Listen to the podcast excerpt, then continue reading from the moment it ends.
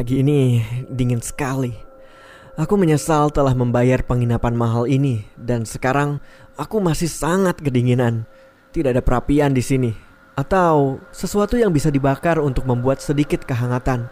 Satu-satunya yang bisa melindungiku adalah selimut tebal yang wanginya sangat menyengat. Hal itu membuatku sulit bernapas. Sementara itu, terdengar suara langkah kaki dari plafon tepat di atasku. Suaranya sangat mengganggu, padahal kamarku berada di lantai teratas. Setiap hari aku mendengar suara itu di penginapan ini. Aku tidak ingin kehabisan napas, jadi aku menyibak selimutku meskipun aku ketakutan dengan suara aneh itu. Aku benar-benar tidak percaya dengan apa yang kulihat setelah itu. Tubuhku langsung gemetar melihat sosok kurus pucat yang berbaring di sebelahku. Aku ingin berteriak tapi mulutku terasa dikunci. Sosok itu menatapku dan tersenyum. Wajahnya pucat dan masih memiliki bekas luka juga darah yang mengering. Sesaat sosok itu menghilang.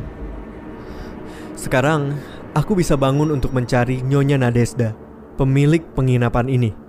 Aku sudah tidak tahan dengan apa yang terjadi. Pengalaman-pengalaman horor ini tidak berhenti menerorku. Aku pun menghampiri Nyonya Nadesda yang sedang duduk santai di meja resepsionis.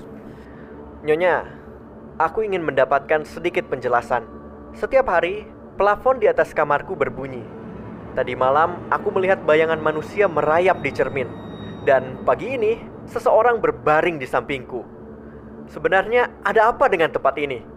Nyonya Nadesda tertegun. Mulutnya tertutup dan seperti dia tidak ingin menjawab, namun dengan sedikit paksaan, akhirnya dia mau berbicara. Belasan tahun yang lalu, ada keluarga yang ingin menghabiskan liburan Natal dan menginap di tempat ini. Ya, hanya mereka yang menginap, karena orang lain pasti lebih memilih menginap di hotel daripada penginapan. Tapi saat malam Natal tiba, sekelompok penyusup memasuki penginapan dan dan membunuh mereka satu persatu. Tepat di mana di mana kau tidur? Kamarmu. Nyonya Nadesda bergetar. Dia tidak ingin aku ketakutan tetapi aku malah merasa semakin takut. Bagaimana jika hantu-hantu itu membunuhku? Dan hal lebih menyeramkan seperti apa yang akan muncul setelah ini? Aku Aku tidak bisa pulang dan tidak bisa tukar kamar karena penginapan ini penuh sekali. Tiba-tiba, Nyonya Nadesda terlihat bernapas lega. Entah ada apa dengannya. Tenang saja, teror itu akan berhenti jika kamu menceritakannya kembali kepada orang lain. Kecuali kepada orang yang sebelumnya bercerita. Tapi mana mungkin aku setega itu? Lakukan saja. Apa kamu mau bertemu dengan hantu-hantu itu lagi? Nyonya Nadesda beranjak dari tempatnya. Aku Aku berpikir keras sambil berusaha membuang jauh-jauh pikiran buruk itu. Kemudian aku pun mulai mengetik cerita ini di ponselku.